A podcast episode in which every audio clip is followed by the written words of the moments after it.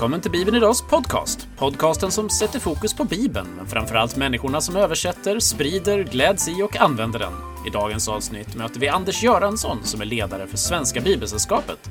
Och vi pratar både om hans erfarenheter med bibelläsning över kulturgränserna och om den nya översättningen, MT 2026. Jag som leder podden heter Olof Brandt.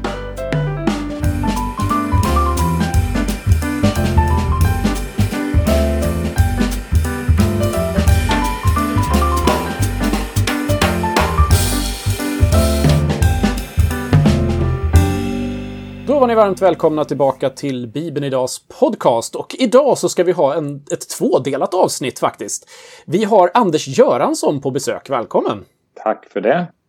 Och vi har bestämt att vi ska prata om två saker. Dels så ska vi prata om bibelläsning över eh, kulturgränser kan man väl säga, eller med människor från olika kulturer. Och så ska vi ju såklart, eftersom jag nu har dig på tråden, få prata lite grann om eh, MT 2026, den översättning som Bibelsällskapet jobbar med. För du är ju ledare för Svenska Bibelsällskapet. Ja, det stämmer bra. Jag är, är, är sedan september 2019 generalsekreterare och eh, det har blivit en annorlunda start, minst sagt, med tanke på att en stor del av den här första tiden har präglats av en pågående pandemi. Men Bibeln finns ju där ändå och används av människor, fast i lite nya format och medier. Mm, så är det ju verkligen. Och för den som inte känner dig då, förutom generalsekreterare för Bibelsällskapet, vad, vem är du? Ja, jag är uppvuxen i norra Sverige och eh, är gift sedan ett antal år tillbaka med Kristina. Vi har fem barn och två barnbarn. Så är jag präst i Svenska kyrkan. Eh, jag har ett förflutet i flera eh, delar av Sverige där jag arbetat också utomlands i Sydafrika och så har jag disputerat i kyrkokunskap och arbetat som både universitetslärare och lärare vid Svenska kyrkans utbildningsinstitut. På fritiden sjunger jag gärna i kör, lagar mat och ett nytt intresse som jag ägnat mig åt helt och fullt den här perioden har varit åka skidor. Så att jag faktiskt lyckades genomföra Vasaåket 90 kilometer häromveckan. Applåder härifrån eh, studion. Tack. Ja, imponerande. Eh, har du, eh, tar jag en fråga så här, för att få, få lite känsla för dig. Har du handlat något på eh, bokrean i år? Alltså jag är inte så jättemycket för bokrean. Jag har, jag har köpt böcker ändå men jag, jag har aldrig varit särskilt mycket för att, att gå till just den aktiviteten. Och det kan ha att göra med att jag egentligen är genuint misstänksam mot rea. Ah. Och jag ska bara med en liten anekdot förklara varför. Jag, när vi bodde i Kalmar så brukade jag handla kläder på en mycket anrik herrekipering. Eh, och när, när de fyllde 100 år så intervjuades ägaren i lokaltidningen och så fick han frågan Kommer ni ha några kampanjer, någon rea nu när ni, när ni fyller 100 år? Och då sa han Rea? Vi har aldrig haft rea på dessa 100 år. Och det där gillar jag på något sätt. Det, det, det är robust. Ja, men då så. Då får jag väl fråga så här istället. Då. Vad, ligger det för bok på nattduksbordet, höll jag på att säga, eller läsfåtöljen eller sådär. Vad läser du för tillfället? Ja, men det vet ju du, Olof, eftersom vi läser en bok tillsammans. Det jag visste ju... inte om du hade börjat, så att jag, det, det var inte upplagt för det egentligen. De första hundra sidorna av Anders Gerdmars eh, Det står skrivet, som mm. handlar om bibeltro kontra bibelkritik. Mm, vad spännande. Det ska bli roligt att prata om den. Ja, det ska vi diskutera. Sen vi ligger också en, en roman under den. Och jag vet inte om man ska koppla ihop de två, men det är Don Quijote. ja, tänk, tänk lite vidare på det. mm. Vad är kopplingen? det kan bli spännande. Så lite roman och lite eh, fördjupning där då. Ja. Vi har ju haft som eh, tema här i podden nu under ett antal veckor eh, det här eh, projektet som Bibeln idag har gjort kring Här för att stanna. Och jag tänkte passa på att fråga dig, för det kommer jag göra med några gäster här framöver. Vad, har du liksom någonting i din historia som du tänker särsk var särskilt viktigt för dig som gjorde att du blev kvar i tron? Om du liksom tänker tillbaka till, till dina ungdomsår eller sådär. Ja, men då är det ju upptäckten av att kyrkan är världsvid. Så att mhm. jag för att stanna i kyrkan behöver jag inte stanna geografiskt på en plats. Utan eh, i mitt fall var det ju så att jag, ja, som många andra ungdomar, åkte på läger och upptäckte att kyrkan finns på andra orter. Jag flyttade hemifrån som man ju gör och upptäcker att det finns en kyrka även i studieorten. Och jag bosatte mig ju sen ett år i, i södra Afrika och det var ju självklart kyrkans närvaro där som, som blev min trygga plats. Mm. Home away from home som, som man brukar säga. Så att hur mycket jag än rör mig bort ifrån en plats eller ett sammanhang ut i andra kontexter så möter jag kyrkan även där. Mm. Så att kyrkan för mig blir ett, i sig ett rum att växa och utvecklas i. Eh, så, så det gör att jag finns kvar i kyrkan utan att behöva så att säga stanna vare sig på en geografisk plats eller stanna i växten eller stanna upp eller så.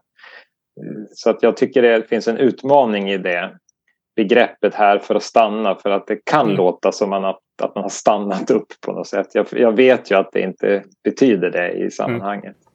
Och då var du ju inne på här nu då eh, Sydafrika eller södra Afrika sa du nu. Jag vet inte om det var Sydafrika du var i vid den gången. Men eh, vill du berätta lite din koppling till eh, just Sydafrika? Och du har ju som sagt bott där ett tag och sådär. Vad, vad var det som förde dig till Sydafrika? Ja, egentligen var det Svenska kyrkans mission som, jag, som har varit mitt sammanhang ända sedan jag var väldigt ung. Eh, och första tanken var att jag skulle åka till Tanzania och, och arbeta där ett år men det blev inte så. Eh, som så ofta, att en dörr stängs och öppnas en annan. Och efter lite turer fram och tillbaka där Japan och Liberia och lite annat var inblandat så blev det Kapstaden när jag var 20 år. Mm. Och där bodde jag ett år och arbetade med ungdomsarbete. Och det, det blev ett livsavgörande år som gjorde att jag sen kände att jag vill gärna tillbaka till, till Afrika och tillbaka i, ut i missionens tjänst. Så när vi hade träffats, min hustru och jag, och några år senare när vi hade fått våra fem barn, då drog vi iväg fyra år mellan 2002 och 2006. Då jag var församlingspräst och studentpräst och började mina forskarstudier. Och sen kom vi tillbaka 2013 till 2015 också i Sydafrika. Då var det bara hustrun och jag och våran då levande hund. Och då var jag universitetslärare i två och ett halvt år. Så att Sydafrika är ju definitivt mitt andra hemland. Mm. Vad, och nu får du inte svara vädret. Vad är det du saknar mest med Sydafrika just nu? Människorna. Det sägs så här att man, man gråter bara två gånger när man kommer till Sydafrika. Eller i Sydafrika. Dels när man kommer dit. Då gråter man över hur vackert det är. Och sen när man åker därifrån då gråter man över att man kommer att sakna alla människor. Mm. Så det är ju ett, ett, vi pratar ju mycket om mångkultur i, i Sverige och, och det verkar vara diskussionen verkar vara så här att man kan liksom välja. Ska vi ha det eller ska vi inte ha det? I Sydafrika finns inte det valet utan det är mångkulturellt. Det finns en historia och det är bara att förhålla sig till den. Och det, mm. det gör lite annat med, med ett samhälls Eh, ja, ett samhälle att man vet att det här är förutsättningen och nu måste vi försöka lösa det. Och jag tycker då, jag har ju valt att alltid i Sydafrika se det som en oerhörd tillgång trots att Sydafrikas historia är, är tragisk och konfliktfylld och, och, blodig på många sätt och vis så finns det så fantastiskt mycket vackert i denna mångfald. Mm.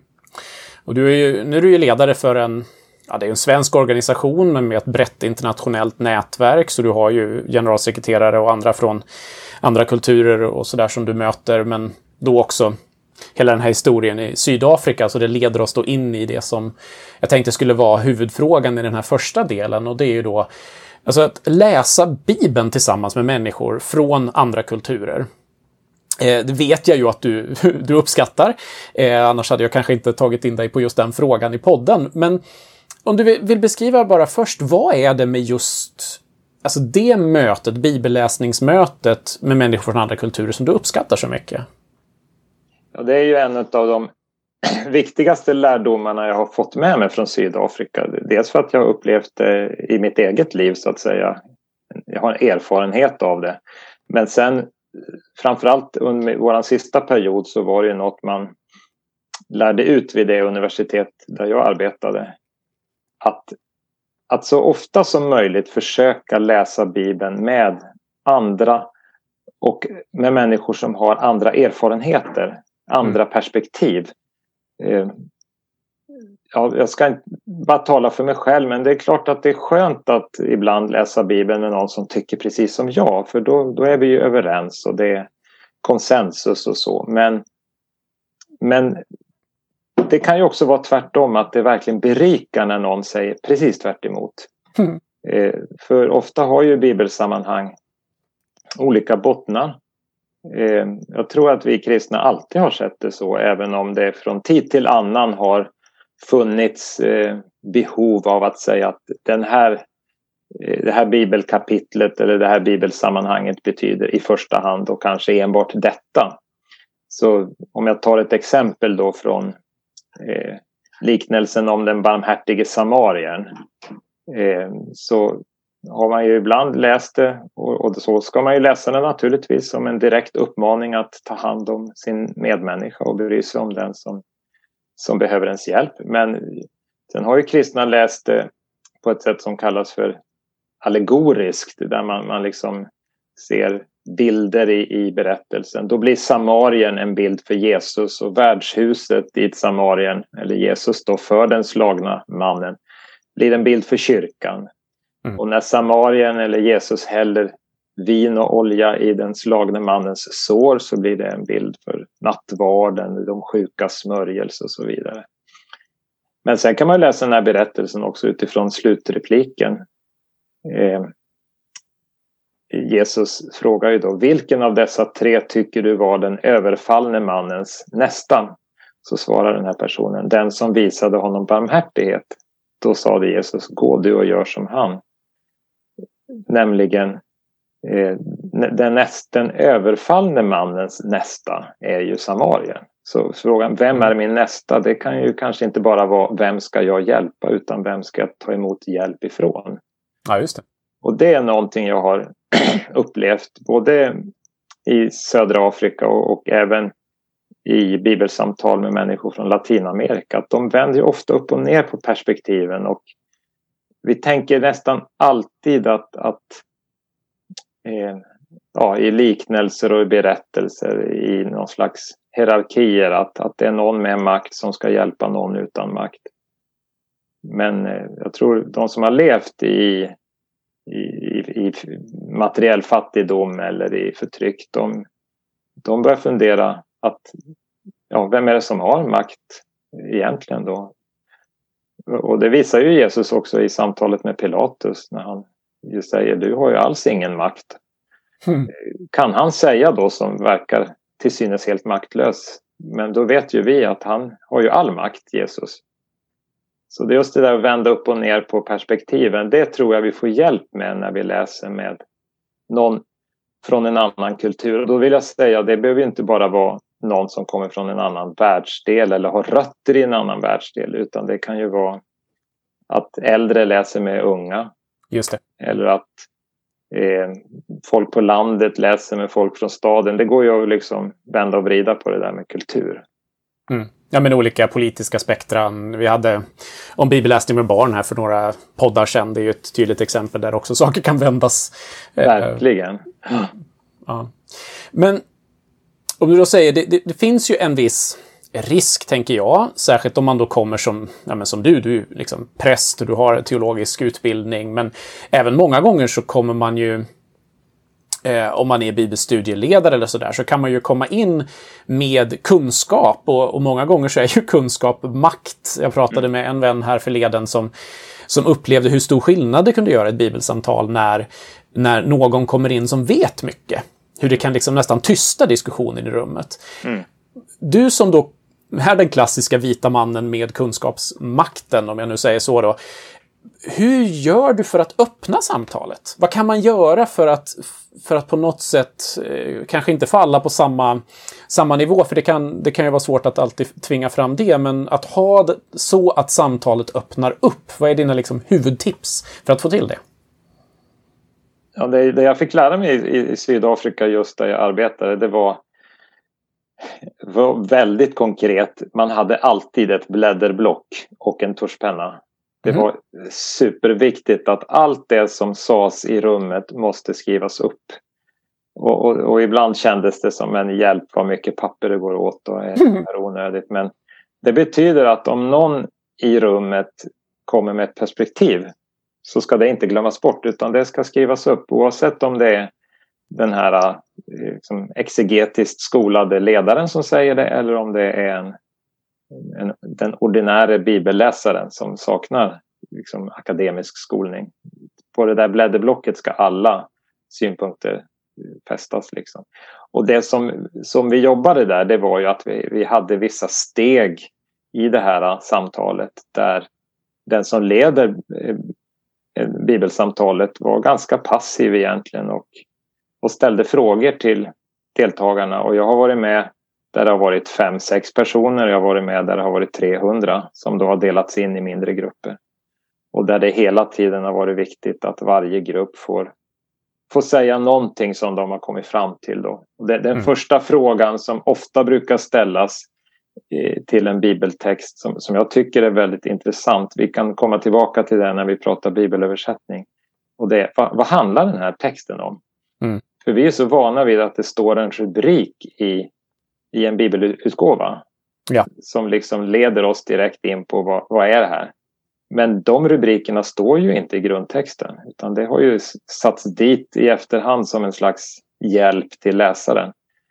Och då har jag varit van vid att ja, men var och en får säga att ja, men det här kanske handlar om makt eller den här handlar om ensamhet eller det handlar om svek.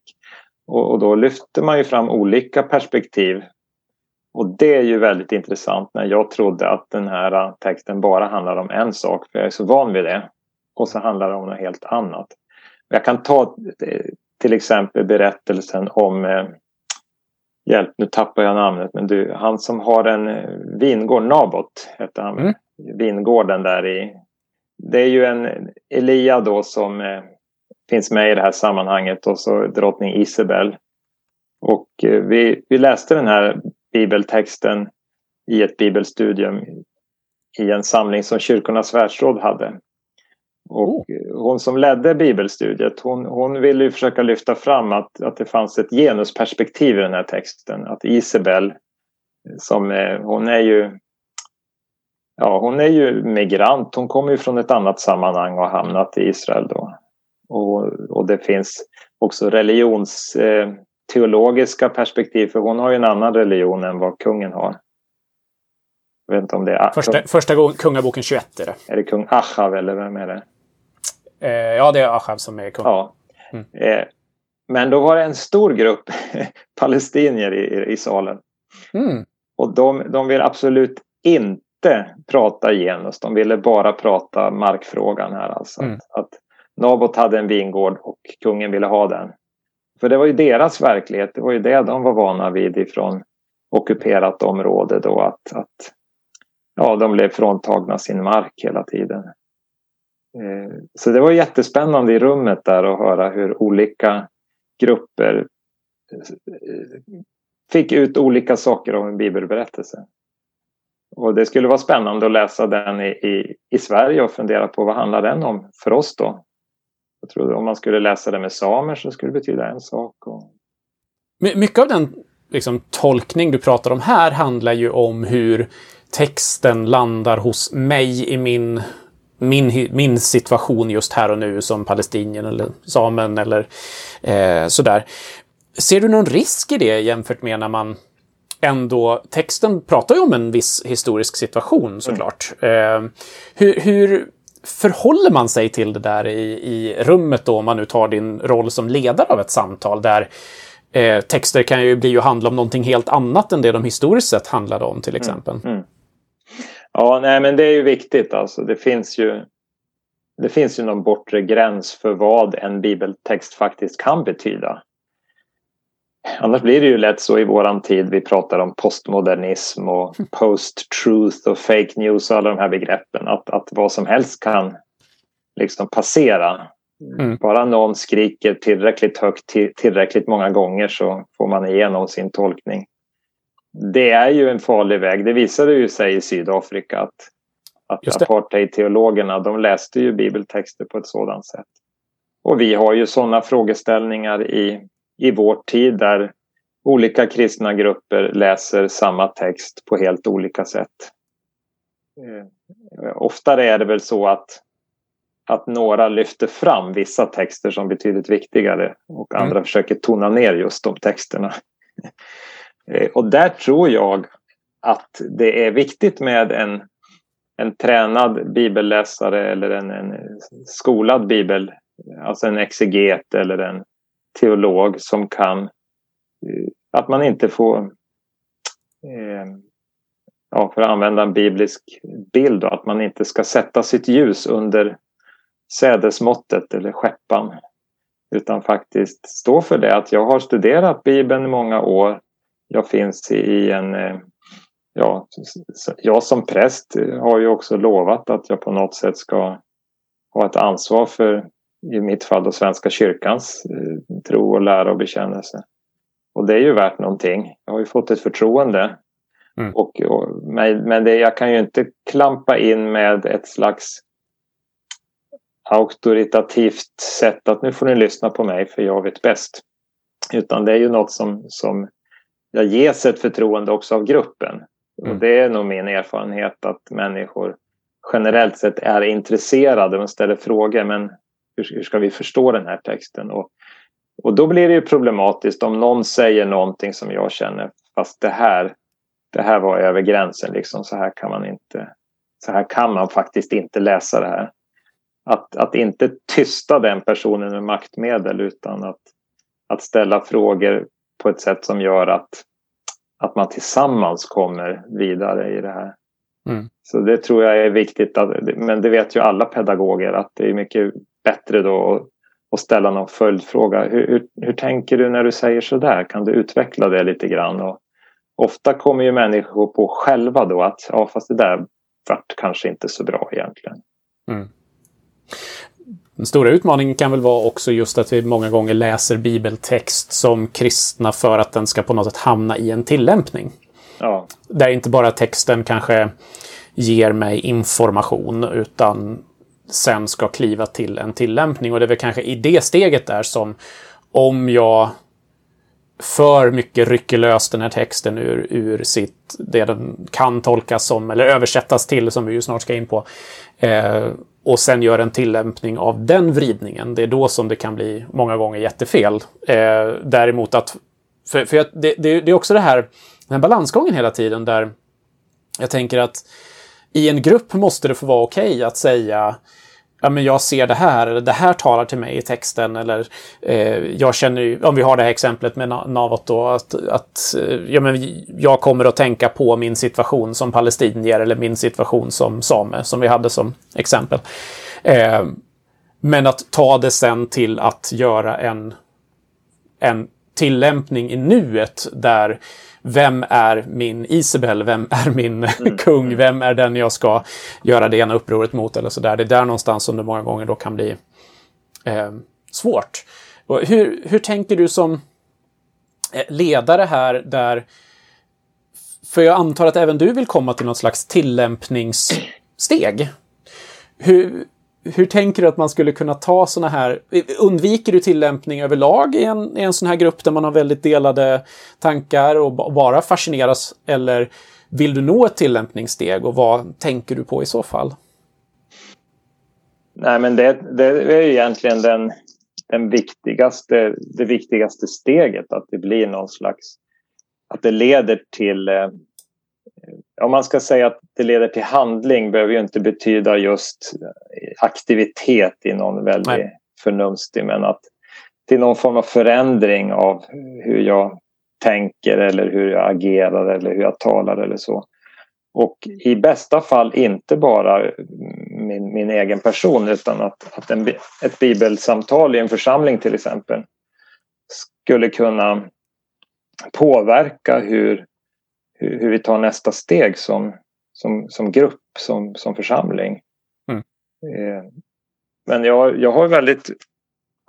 Eh, det, det, här tycker jag att, åtminstone i Svenska kyrkan, att vi har varit ganska dåliga på. Om man, om man sitter i ett kyrkoråd eller i något annat sammanhang så är det ganska sällan som någon ser det här som en, som en resurs och som ett verktyg. Att vi kanske skulle jobba lite med några bibeltexter här för att komma vidare i den här frågan. Utan då, ja. Det skulle jag önska verkligen att, att man kunde tänka att kan vi, om vi har fastnat i någon frågeställning, eh, kan vi tillsammans eh, men det, då är det ju naturligtvis frågan vem ska välja ut det, det bibelstället och vem ska ha någon slags tolkningsföreträde då. Men jag, varför jag säger det är ju för att jag tror att när vi använder bibelordet så, så får, får vi på ett tydligt sätt in en samtalspart till.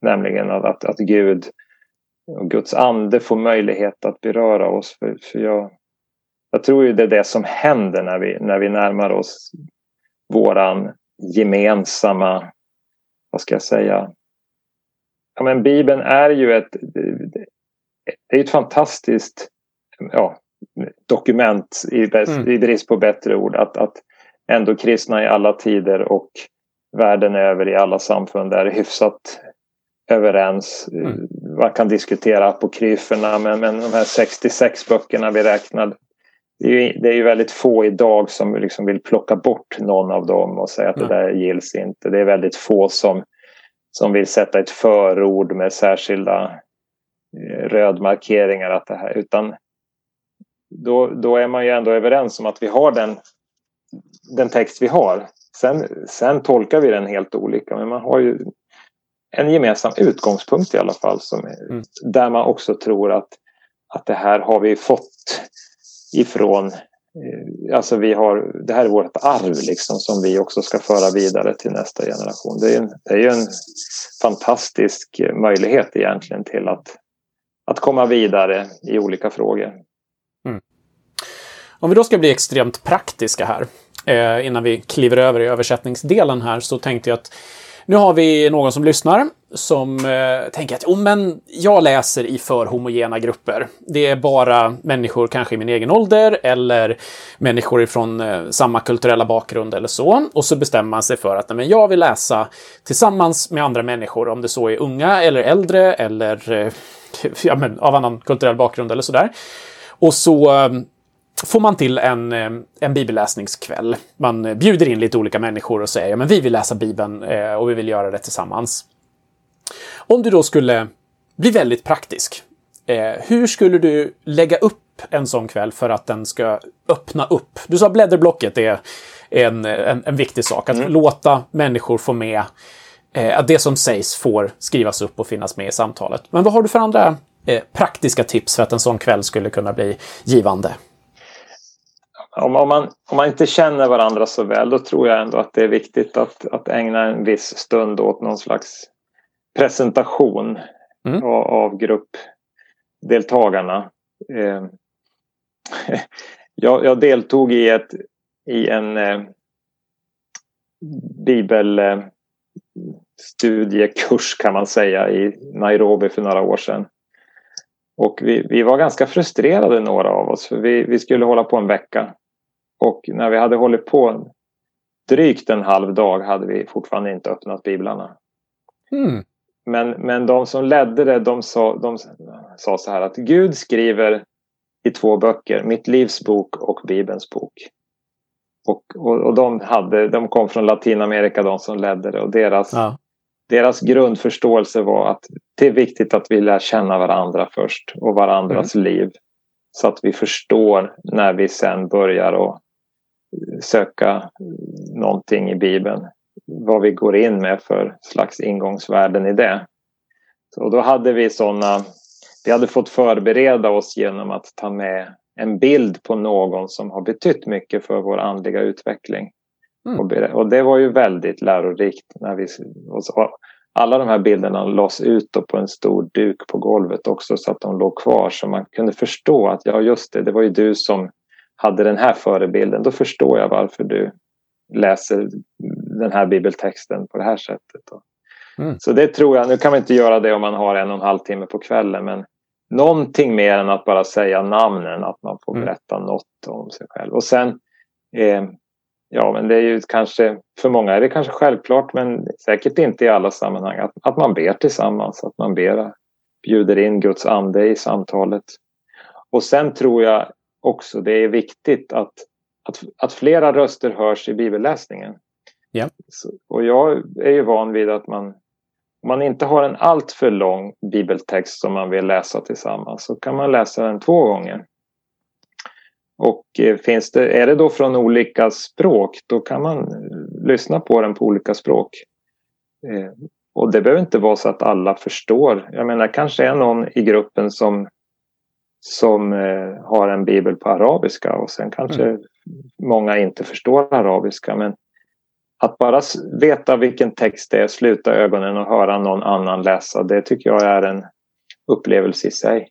Mm.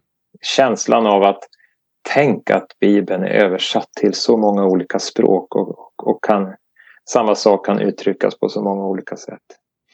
Så att det, det, tycker jag är en bra början. Att flera får läsa bibeltexten, att man ber tillsammans, att man berättar vilka vi är. Och sen tror jag att man ska ha en, en, en väldigt öppen Eh, process där, där man säkerställer att alla får chans att prata.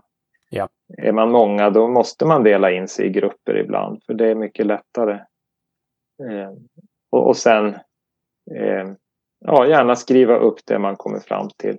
Men sen beror det på om man, om man har bjudit in människor från olika sammanhang och, och man kanske träffas den gången och sen träffas man inte så mycket igen. Då är det ju svårt att komma till någon gemensam tillämpning. Va? Ja, jo. Men, men är det här i en församling då, då tror jag säkert att om, om man söker efter det att man kan man kanske bara kommer fram till en sak som, som man fick ut av bibelläsningen. Det här vill vi försöka fortsätta med. Det här vill vi göra. Och det kan ju vara vad som helst men om man till exempel läser då kanske en text om gästfrihet ifrån första Mosebok när Sara och Abraham har gäster. Då skulle det eventuellt kunna leda till att man bestämmer sig där och då att ja, men vi ska också bli bättre på att visa gästfrihet. Vilket ju är svårt i en pandemi. Så att... Jo. men man kan ju visa gästfrihet på olika sätt. Men bara som ett exempel. Jag, jag tror det är viktigt att ja, men som du var inne på, ibland är det också bara väldigt intressant att få lära sig mer om bibeltexten i sin tid. Vad, mm. Eh, jag har ju också varit med i bibelstudiesammanhang där, där någon berättar om de olika templen och hur det såg ut på tempelplatsen och man kan ju se folk eh, verkligen är fascinerade över att få lära sig vad var det för byggmaterial och, och vilka mått var det och vad gjorde man vid de olika altaren och rum och sådär. Eh, så det har, det har naturligtvis sin plats också. Mm. Men jag har jobbat mera i en tradition där man, där man siktar mot det här. Vad betyder det för oss då? Det vi precis har tagit emot.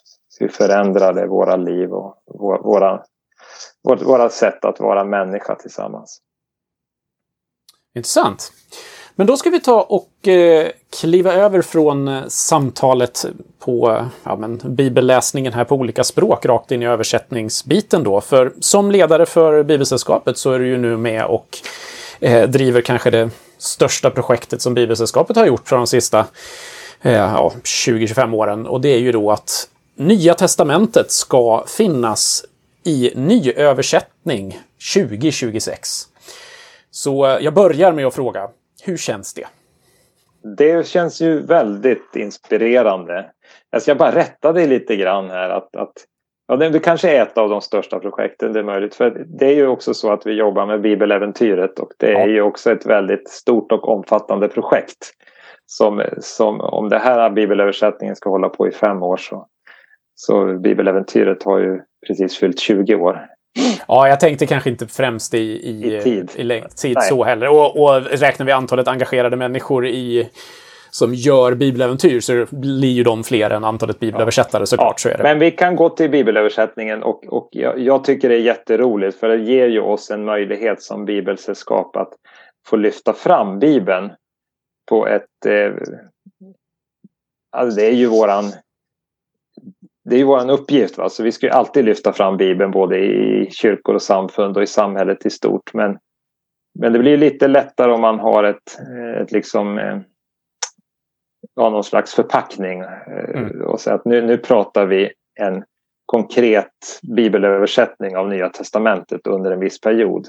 Det blir, det blir lättare att form, formulera ett tilltal. Men, men syftet måste ändå vara hela tiden att det handlar inte bara om bibelöversättningsfrågor utan det handlar ytterst om Bibeln och Guds tilltal till oss människor. Och eh, jag kan ju säga det att vi hade ju avsnittet innan här var ju med Mikael Winninge som då är översättningsdirektor och där pratade vi mer om principerna för projektet och eh, lite sånt. Utan nu tänkte jag att vi skulle prata lite mer om vad, vad förutom då att det förhoppningsvis finns ett nytt Nya Testamente 2026. Vad, vad, vad ser du, vad, vad, hoppas du på ska liksom hända längs vägen här? Ja, men tre saker har jag funderat på som säkert kan bli flera. Men om jag börjar med de tre sakerna eh, där vi kan få spännande samtal med olika eh, konstellationer av människor. Eh, jag tror att den här översättningen kommer att eh, pratas mest om i kyrkorna. Det, mm. det känns ju rimligt. Eh, att vi då eh, pratar om Bibeln som vår gemensamma skrift. Eh, när vi har olika tolkningar, för det har vi alltid, så återvänder vi alltid till Bibeln. Eh, och att översättningen också kan se, se olika ut vi, vi är ju i en situation nu där vi redan har olika bibelöversättningar i, i våra sammanhang.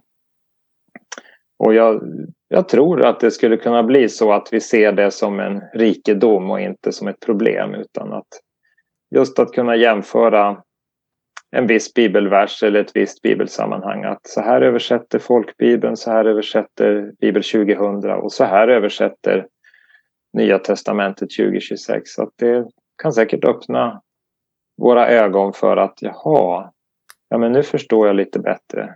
Mm. Det behöver inte vara så att, att det just är ordalydelsen i NT 2026 som, som åstadkommer det utan just jämförelsen i sig, att man fick lägga flera versioner bredvid varandra.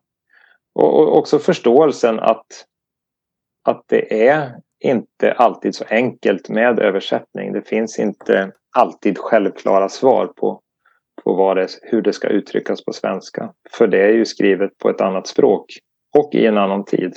Mm. Så det är det först, första liksom det jag tror att och jag hoppas att det inte leder till ökad splittring och, och, och en massa diskussioner av den typen att man blir osams utan samtal och diskussioner som gör att man blir nyfiken och lär sig och får en större ödmjukhet. Det, det hoppas jag då, just vad gäller den saken. Ja, det lär väl inte vara någon som, som tittar på NT 2026 och säger ni har gjort alla val rätt. Det, det, hittills verkar det inte så på de reaktioner vi har fått. Och jag fick i, igår låg det på mitt skrivbord ett brev från en bibelstudiegrupp i mm. en större svensk stad som redan har börjat att använda Marcus evangeliet för bibelstudier i den nya mm. ordalydelsen. Och de hade skickat eh, fem eller sju kommentarer på några mm. saker där de tyckte att det här var bra och det här var mindre bra. Så det tycker jag är fantastiskt när vi liksom har knappt har fått publicera texten så har människor redan börjat använda den i bibelstudier. Mm. Jag var väldigt glad och överraskad att det går så snabbt mm. i, i dessa tider. Och för, för, den som då inte har lyssnat på det förra avsnittet med Mikael kan vi ju säga det att det finns ju en Dels så kan man ju göra som de då, skicka in till dig, men så kan man också skicka till mt2026 bibeln.se om man har några tankar på den pilottext som ligger ute nu, som ju är ett slags eh, näst sista stadium innan texten spikas i, i framtiden. Så det, det som ligger ute nu för Marcus är ju troligtvis ganska nära så som en slutöversättning ser ut, även om det finns eh, utrymme för att den pillas vidare med. Men det var en sak sa du. Ja, sen, sen, är det ju det här som naturligtvis är en stor del av att vi väljer att översätta Bibeln till 2026 och det är att det är 500 år sedan nysvenskan så att säga etablerades som ett riksspråk. Och eh, där kan man ju gå åt lite olika håll. Man kan ju tänka sig att nu får vi chansen här att fokusera på det svenska språket som självklart är så oerhört viktigt i vårt samhälle. Men där hamnar man ju rakt i en, en väldigt samtida politisk diskussion också. Mm. Ja. Och jag, jag måste ju då med mitt internationella perspektiv och som del både utav den världsvida kyrkan men inte minst som del av United Bible Societies hävda att kristenheten talar många språk och mm. inte bara svenska.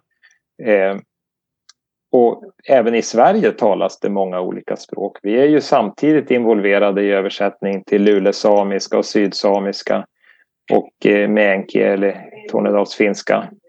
Mm. Och, och börjar man skrapa lite på ytan så finns det tankar på att återuppta översättning till teckenspråk. Det finns propåer ifrån umesamiskan som ytterligare något som kanske borde ha en egen bibelöversättning. Det senaste var en mejlväxling vad gäller älvdalskan.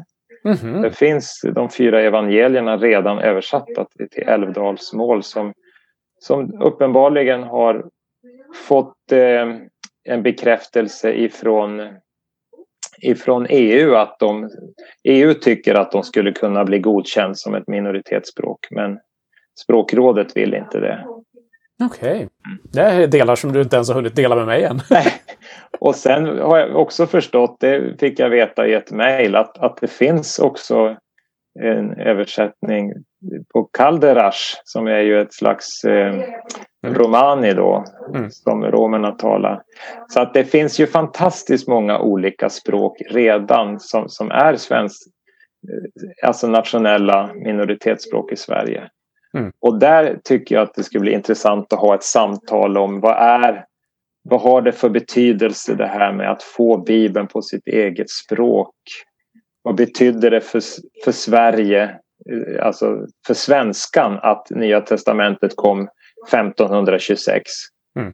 Eh, och att studera det, inte bara utifrån att nu är det svenska som gäller och det är det enda som är viktigt i vårt land utan att Nej om det var så viktigt för svenskan att få en bibelöversättning, hur viktigt är inte det då för andra språkgrupper? Mm. Och att vi kan se det som en, som en rikedom. Verkligen, verkligen. Det tror jag skulle kunna bli en intressant, ett intressant samtal. Ehm, och sen den tredje punkten som jag, som jag också på sistone har fått upp ögonen för, det är själva översättningsperspektivet. Det här att, att vi faktiskt hela tiden tror jag ägnar oss åt att översätta. Även om vi pratar, som du och jag, vi pratar ju svenska båda två.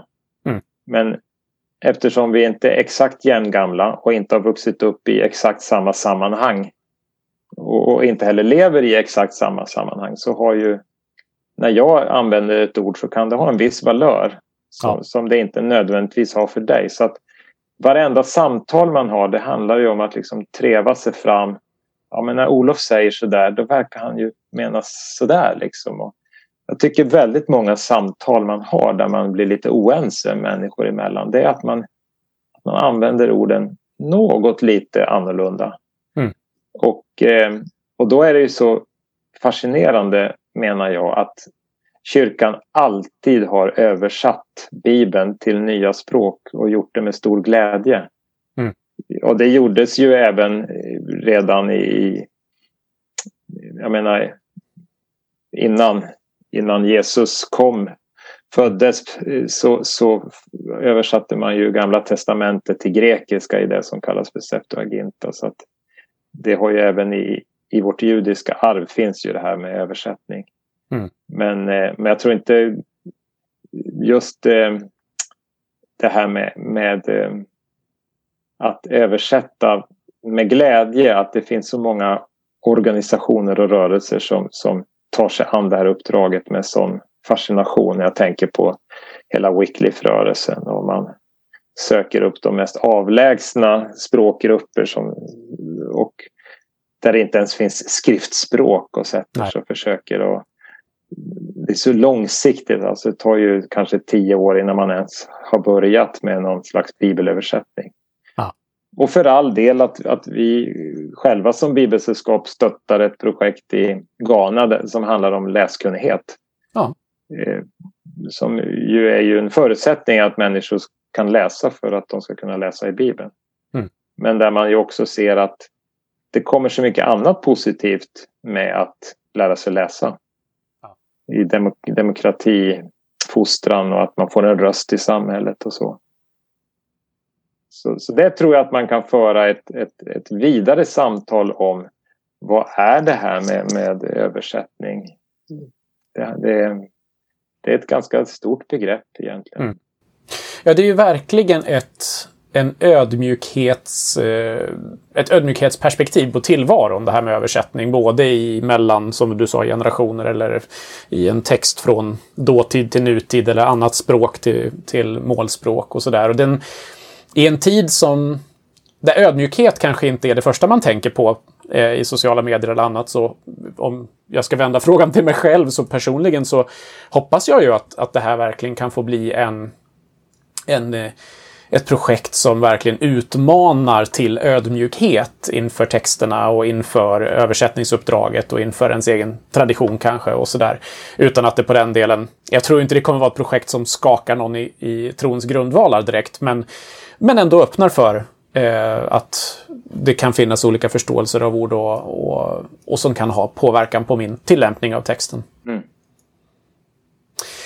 Om vi då ska knyta ihop hela det här eh, paketet då så eh, undrar jag lite, så vad, vad, ser du fram emot mest med liksom hela det här? Nu får du inte säga releasen av NT 2026 där du liksom står med en färdig bok i handen, för det förstår jag att du ser fram emot. Men vad, vad, vad, vad är det du när du tänker på allt det här? För det är ju ganska nytt ändå. Det, det är klart att vi har översatt med provöversättningar i Bibelsällskapet länge och, och, och sådär. Men det här beslutet att nu kör vi och principerna är lagda och så vidare. Eh, när du tittar nu framåt här, vad, vad får det att, att tända till i dig just nu? Ja, jag måste säga att, att jag ser inte ens den där releasen. Den, den ligger så långt bort. så den, den har jag inte liksom visualiserat för mig ännu. Utan nej, jag ser att, att få om, om, om Gud nu verkligen är med oss, vilket Gud är. Men vi får ju se vad som händer med den här pandemin. Mm. Eh, jag önskar ju som alla andra människor att den ska ta slut naturligtvis. Att vaccin ska komma på ett rättvist sätt till människor runt om vår jord. Och, och i så fall eh, Eh, att jag som generalsekreterare för Bibelsällskapet får, får resa runt i landet och, och, och du också Olof och flera andra utav oss som arbetar i Bibelsällskapet och möta människor. Och det, har, det är min erfarenhet eh, även nu då när jag har varit Ja, men vi har gjort lite digitala besök här och där att, att människor vill gärna prata eller vill att jag ska berätta om den här bibelöversättningen. Den, den väcker ett visst intresse redan. Och det är ju någonting att förvalta. Att, att få åka ut och få presentera en ny text. Så här har, har översättarna tänkt sig att eh, liknelsen om det förlorade fåret eller det borttappade fåret eller vad det nu kommer att heta. Mm. Eh, så ska den läsas i NT 2026. Och så just det där ny, nyhetens behag också att, att kanske få komma och förmedla en ny bibelöversättning i ett sammanhang. Och människor får jämföra med sin gamla översättning. Och så får man samtala och så får man ha synpunkter. Och så kan vi fånga upp de synpunkterna.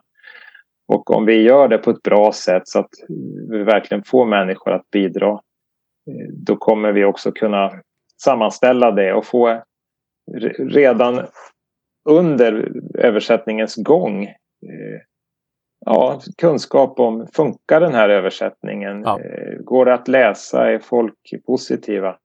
Och det kommer naturligtvis bli så att folk tycker olika. Mm. Men om det är väldigt många som uppfattar en viss översättning på ett visst sätt då, då är det klart att det kommer att påverka också. Eller om någon har väldigt bra argument för, för sin ståndpunkt. Då måste det ju tas med i processen. Och det, att få finnas liksom mellan själva översättningsarbetet och bibelanvändarna i det fältet, det ser jag som oerhört fascinerande under de här åren. Mm. Ja, det ser vi verkligen fram emot. Eh, och för den som nu blev lite konfunderad där, men Olof jobbar väl för Bibeln idag, så är det ju så att jag har ju delad tjänst mellan Bibelsällskapet och Bibeln idag, så att eh, det stämmer väldigt riktigt att jag också jobbar för Bibelsällskapet. Men jag tror ju också att du i din tjänst i Bibeln idag ser fram emot att få resa lite i landet. Så är det verkligen och också dra nytta av den publicitet och den, den nyfikenhet som en ny översättning ger, precis som du säger. Jag menar, det var ju till och med att SVT och flera av de större tidningarna tog upp att det här projektet skulle börja. Så det till och med i, i det sekulära samhället så finns det ett intresse för de här frågorna, så det är jätteroligt. Vi ska ta och gå ner för landning. Är det någonting som eh, du känner att ja, men det där, det måste vi ju också få sagt, eller det har jag glömt att, att nämna? Nej, men jag, jag, skulle väl kunna säga då att eh, just på det här med olika språk och så, så, så är det ju det är många som inte kommer att beröras så mycket av den här översättningen just för att mm. de läser Bibeln på helt andra språk. Antingen något av minoritetsspråken eller något språk som man har med sig från en annan del av världen. Och vi, vårt uppdrag är ju tillhandahålla Bibeln att göra den använd i vårt land. Så genom bibelbutiken så säljer vi ju biblar på, på ett otal, jag menar runt hundra språk eller så. Ja. Och det...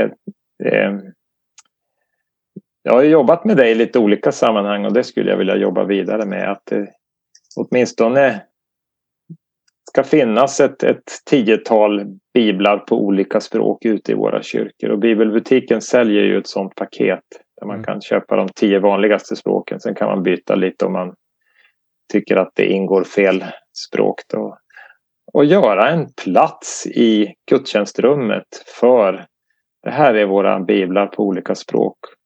Vad betyder inte det för en människa som kommer då på besök för första gången och, och, och ser de där biblarna och går bort och så hittar bibeln, kanske i bästa fall på sitt eget språk och kan ta den och sätta sig och lyssna på texterna i gudstjänsten. Ja. Nu har ju många med sig sin mobil och, och, och med appar och så där så funkar det ju för de flesta. Men jag tror ändå att en, en fysisk bibel att hålla i handen det, det är något speciellt. Kommer alltid att vara. Ja, det, jag kan ju bara förstärka det. Jag var i, eh, för många år sedan nu, så var jag i Egypten i eh, Anafora. Mm. Eh, klostret ute i öknen där mellan Egypten och ja, eller folkhögskolan eller det är ju massa delar där. Men, och eh, i deras kyrka där så kom vi in för att vi skulle vara med på en, en gudstjänst och den var ju då på koptiska. Eh, det var inte som att vi förstod någonting. Eh, men eh, i ena hörnet på den där lokalen så fanns det en, en hylla med en massa biblar. Det, den drogs jag ju till och, och står där och tittar och hittar en svensk bibel. Och alltså, lustigt, jag hade min egen bibel med mig det var ju inte som att jag saknade en bibel, men den, det välkomnandet som det innebar. Mm.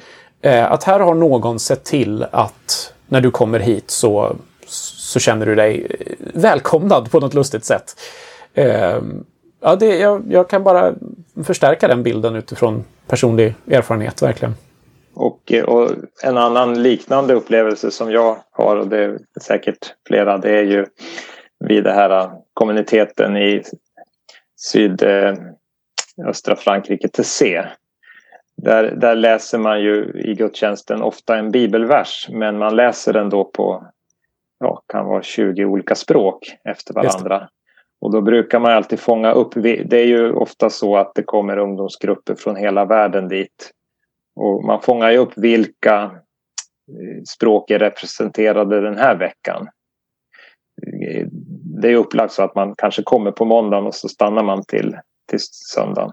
Mm. Och sen kommer en ny grupp söndag kväll eller måndag morgon. Eh, och då vet ju de som leder gudstjänsterna där att i den här veckan har vi en grupp från Sverige. Och då ser de ju alltid till att någon av bröderna där läser på svenska. Och att finnas tillsammans med tusentals andra människor i kyrkan och höra språk som man inte ens, man vet inte ens vad det är för språk. Alltså man, eh, och så helt plötsligt kommer en, en röst på svenska och läser samma bibelord på mitt eget språk. Det går ju rakt in i hjärtat. Det är helt obeskrivligt. Mm. Så just, och det har ju med, med gästfrihet att göra. Att, mm. att välkomna människor in i sitt sammanhang. Så det tycker jag är en, en viktig sak att få med. Mm. I, I, eh, att både kunna arbeta med en en ny svensk bibelöversättning och förstå hur viktigt det är med att Bibeln också får finnas på andra språk mm. parallellt och hålla de två tankarna i huvudet samtidigt. Tack så mycket eh, Anders för att du ville vara med eh, och, och, dela det här och jag önskar dig all välsignelse i arbetet här nu framåt när du som ledare ska leda eh, både Bibelsällskapet och projektet NT 2026. Tack själv! Och stort tack till er som har lyssnat. Vi hoppas att det här har varit både intressant och glädjande och utmanande att kanske fundera över både möten över olika kulturgränser eller generationsgränser och också fundera på om du vill vara del i det här NT 2026-projektet på något sätt med att läsa för egen del och lämna respons eller skapa en bibelstudiegrupp eller sådär. Och eh, Mer information om sådana saker finns ju också såklart på Bibelsällskapets hemsida, ska vi säga. Eh, Föga förvånande kanske. Och med det så tackar vi dig Anders. Vi tackar er som har lyssnat. Vi hörs igen.